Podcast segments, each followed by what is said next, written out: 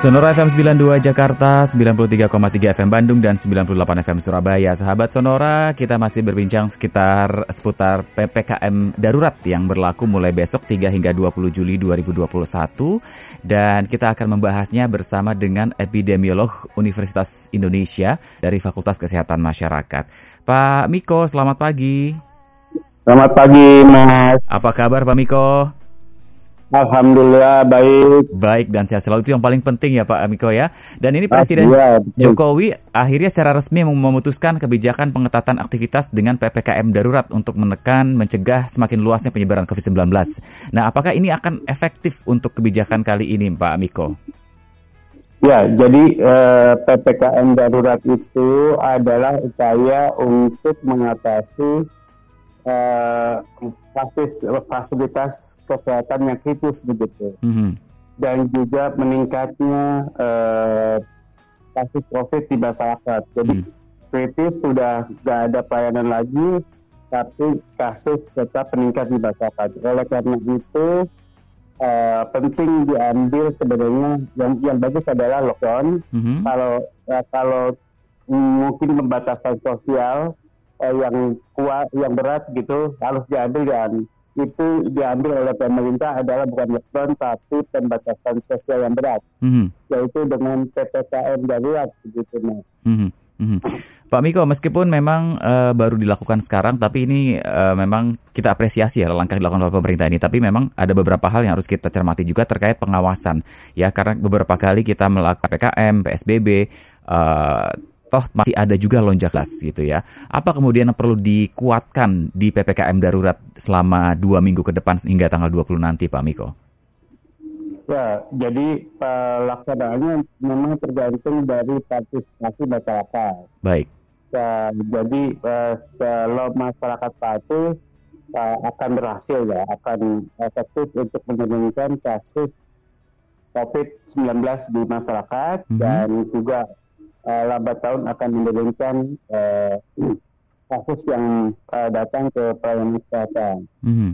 Nah, permasalahannya adalah uh, ke ppkm darurat tidak bisa atau tidak bertujuan untuk menangani uh, varian baru begitu. Oke. Okay. Jadi pokoknya ini semua dilakukan setiap bu kapasitas pelayanannya harus berhasil dulu diturunkan kasusnya begitu. Baik. Nah, selanjutnya baru kita pikirkan. Tapi nggak dalam penanganan wabah itu tidak boleh parsial begitu. Mm -hmm.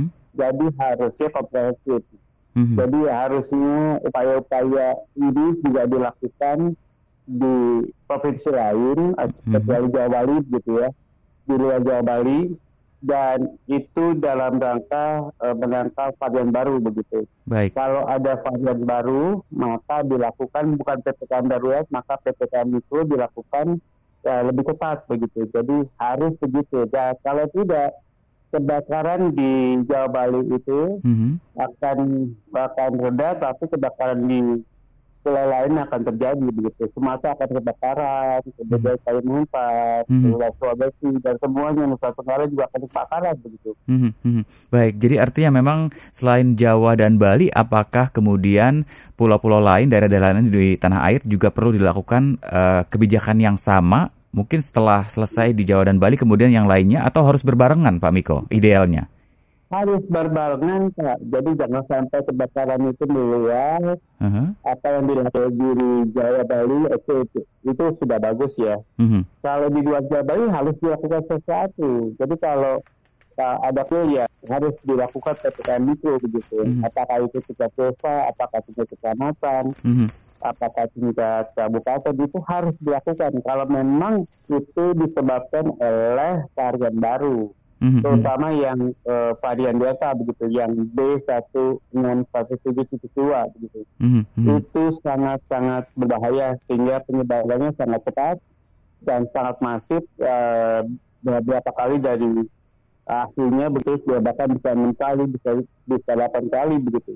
Jadi idealnya memang PPK Ya, PPKM darurat tidak uh, harus dilakukan secara komprehensif, kemudian juga harus dilakukan tidak setengah-setengah, tapi menyeluruh di semua wilayah agar kebakaran atau lonjakan COVID-nya uh, apa namanya menurun di wilayah tapi naik di Pak Miko ya. Pak Miko, Kalau kita ya. mencermati poin-poin penting dalam kebijakan PPKM darurat kali ini eh, terkait bekerja, perdagangan, aktivitas sosial, budaya, pendidikan, keagamaan, ibadah, dan mobilitas warga. Apa dari sekian banyak sektor ini, poin ini yang kemudian paling prioritas untuk kita concern, kita harus uh, fokus untuk men, uh, apa, menangani ini supaya uh, apa namanya penyebaran COVID ini bisa lebih kita tekan gitu, Pak Miko?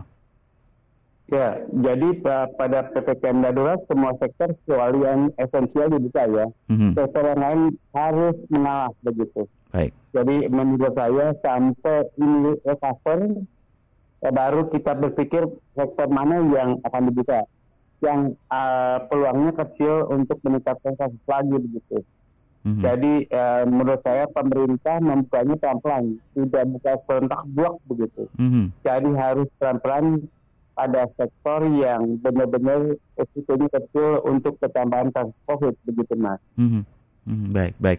Terakhir Pak Miko mungkin bisa disampaikan juga karena PPKM darurat ini efektivitasnya keberhasilan akan sangat bergantung terhadap uh, uh, apa keberhasilan menekan COVID ini dari partisipasi masyarakat, kontribusi dari masyarakat, kolaborasi dari semua elemen untuk bisa taat protokol kesehatan begitu. Silakan Pak Miko sebagai epidemiolog untuk mengingatkan kita semua bahwa ini harus kita sukseskan bersama-sama seperti itu. Iya, Undang-Undang Nomor 9 eh, Nomor tahun 84 begitu. Eh, memang ini pemberantasan, eh, pemberantasan atau penanggulangan wabah itu menjadi tanggung jawab pemerintah. Pemerintah sudah mengambil tanggung jawabnya, sudah mengeluarkan eh, ppkm darurat. Ya, pemerintah tidak akan berhasil di sendiri. Jadi harus bekerja dengan rakyatnya jadi pemerintah dan rakyatnya saya harap patuh kepada kebijakan pemerintah begitu. Mm-hmm. Jadi pemerintah sudah mengambil uh, jatahnya mm-hmm. dan melakukan ppkm darurat hingga rakyatnya begitu. Tapi right. saya yakin karena rakyat di sekitar saya saja takut begitu keluar rumah. Mm-hmm. Karena kasus di RT saja sudah banyak apalagi kasus di RW sudah banyak. Mm-hmm. Jangan menambah kasus lagi di di masyarakat begitu. Mm-hmm. Saya harap uh, rakyat itu benar-benar menahan semua kegiatannya. Mm-hmm. Uh, kalau bisa, kalau kegiatan tidak esensi, jangan dilakukan di rumah. Saya mm-hmm. juga takut keluar rumah mm-hmm. karena di RT saya banyak kasus, apalagi di RW banyak kasus. Mari kita sedangkan kasus ini jangan sampai uh, yang di rumah itu dirawat dengan oksigen. Iya, gitu. yeah, betul. Jadi saya mengharapkan semua masyarakat mendukung uh, kebijakan uh, pemerintah. Baik, itu harapan kita semua juga Pak Miko. Terima kasih Pak Miko untuk waktunya. Salam sehat selalu. Semoga uh, selalu terlindungi kita dari infeksi COVID-19 ini Pak Miko. Terima kasih sekali lagi. Sama-sama.